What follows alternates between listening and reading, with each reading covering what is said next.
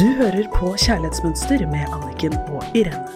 Sammen skal de hjelpe deg med å bli bedre kjent med den du er, slik at du kan skape det kjærlighetslivet du drømmer om å fortjene.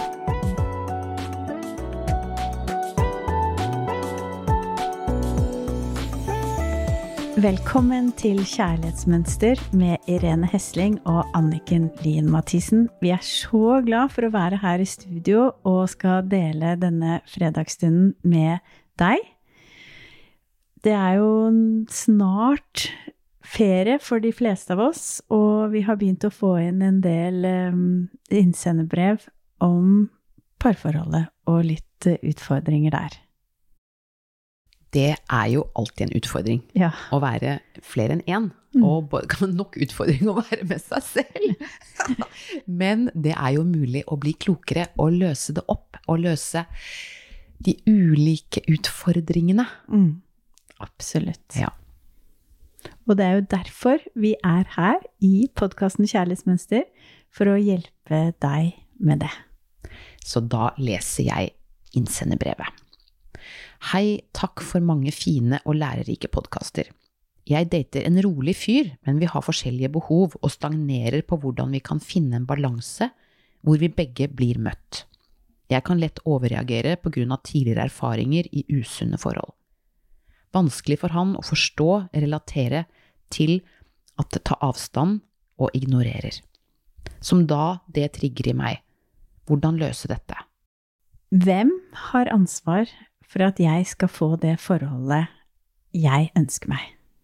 Meg Det er- selv. Det er bare meg, alltid. Så neste gang du blir trigget av partneren din i løpet av sommerferien, stopp opp og spør deg selv hva er følelsen som ligger under min oppførsel, altså det at jeg blir trigget nå? Hvilken følelse trigger meg? Hvis det eksempel er sinne, så husk på at under sinne så kan en enda dypere følelse ligge. Uansett hva denne dypere følelsen er, så vær villig til å begynne å kommunisere den først med deg selv, og så med partneren din, for å bevege dere fremover.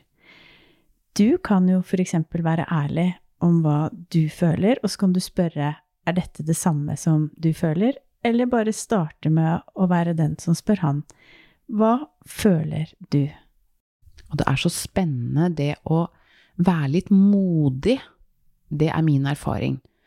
Eh, I et parforhold, og når du kjenner at det er noe som lugger, så er det alltid et potensial for utvikling. Det er min erfaring.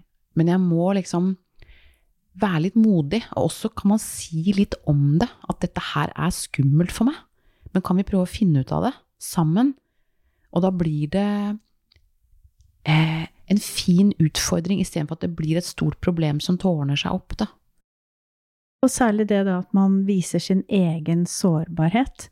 Fordi at eh, da føler ikke den andre at du beskylder meg for noe, men jeg tar ansvar for at vet du hva, jeg blir trigget. Og så deler man det.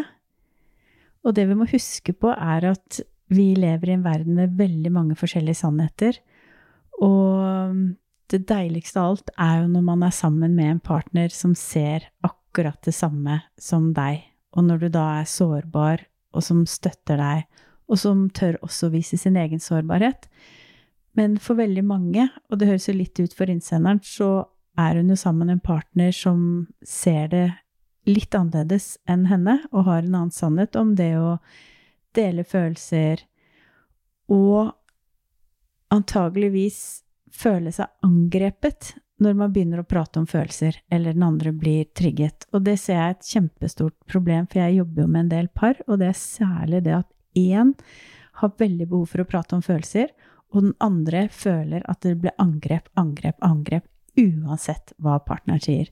Og da er det veldig viktig, som du Irene sa, det er måten man da deler det på. For hvis man sier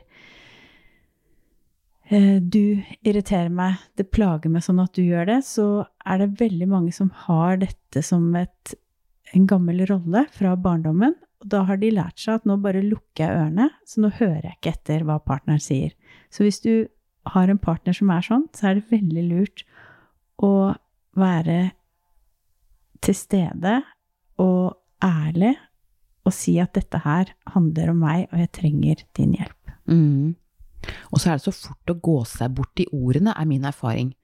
Fordi jeg, jeg har et bilde på kjøleskapet som har blitt med meg i alle år.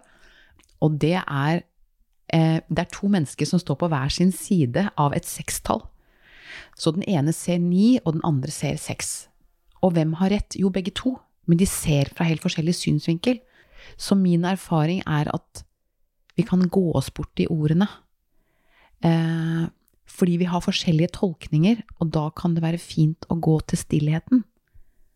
Det å faktisk bare bli enige om i fredstid at når vi kommer til det punktet hvor det begynner å tette seg til, og temperaturen stiger, at vi bare tar en timeout, setter oss ned, kanskje bare helt sånn overfor hverandre, og bare er stille sammen.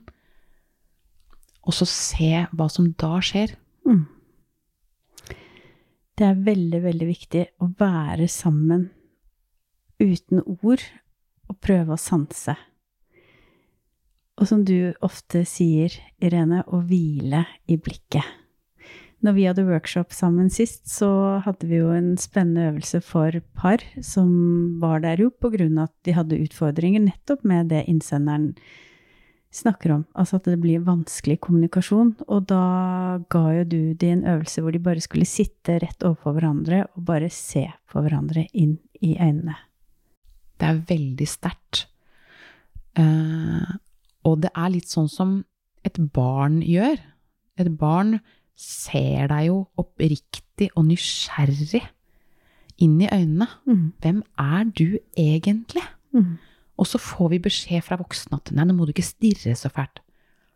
Så det handler ikke om å stirre, men det handler faktisk om å la den andre møte deg som du er. Og vi så jo det på de parene. Det var jo så mye kjærlighet og tårer som kom fram, fordi man til daglig ikke stopper opp og ser på hverandre, og er til stede og hviler i blikket til hverandre. Mm.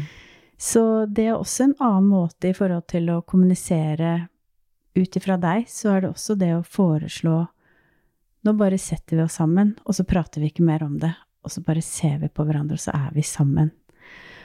Og en vakker ting som ofte hjelper hvis man er trigget av partneren, er å sitte nettopp sånn overfor og se på hverandre inn i øynene, og så si høyt Jeg elsker deg, og jeg ønsker deg alt godt. Og hvis man syns det er vanskelig å si det, så skal man i hvert fall prøve å tenke det neste gang du blir trigget av partneren din, for det hjelper så utrolig. Jeg elsker deg, og jeg ønsker deg alt godt. For da skifter det inni deg. Nydelig. Og du ser med hjertet. Det er veldig Det er veldig sterkt og kraftfullt å gjøre det. Og det er litt sånn uvant, men eh, det anbefales på det varmeste. Så ukens oppgave denne uken er kanskje litt annerledes enn det du pleier å gjøre med partneren når du blir trigget og dere kommer til eh, vanskelige diskusjoner og konfrontasjoner. Gå og legg dere ned, nakne inntil hverandre, uten et ord, og se hva som skjer. Det er nydelig. Det har mange av mine klienter prøvd, og det var en veldig rar ting i begynnelsen, men det er en veldig, veldig vakker, nydelig opplevelse og det bryter disse ordene som bare gjør at det blir verre og verre, og vi begrenser hverandre og oss selv og låser det til istedenfor å åpne. Så det er en øvelse for å åpne opp i forholdet istedenfor å begrense. Blir helt myk innvendig av å tenke på det, Anniken. Spennende å høre reaksjoner fra deg som lytter, og som prøver det. Da ønsker vi dere en nydelig helg og mange gode opplevelser. Og husk på at det vi ønsker å hjelpe deg til med her i Kjærlighetsmønster, er å åpne opp for muligheter fordi at begrensninger stenger og hindrer deg fra det livet du ønsker deg. Så bruk denne uken til å kjenne på at du ikke trenger å reagere og gjøre det sånn som du alltid pleier, men at du kan åpne opp for nye muligheter. Det er spennende. God helg! God helg! Du hørte akkurat podkasten Kjærlighetsmønster. Hvis du vil ha flere tips og triks, gå inn på kjærlighetsmønster.no, eller følg Kjærlighetsmønster på Instagram.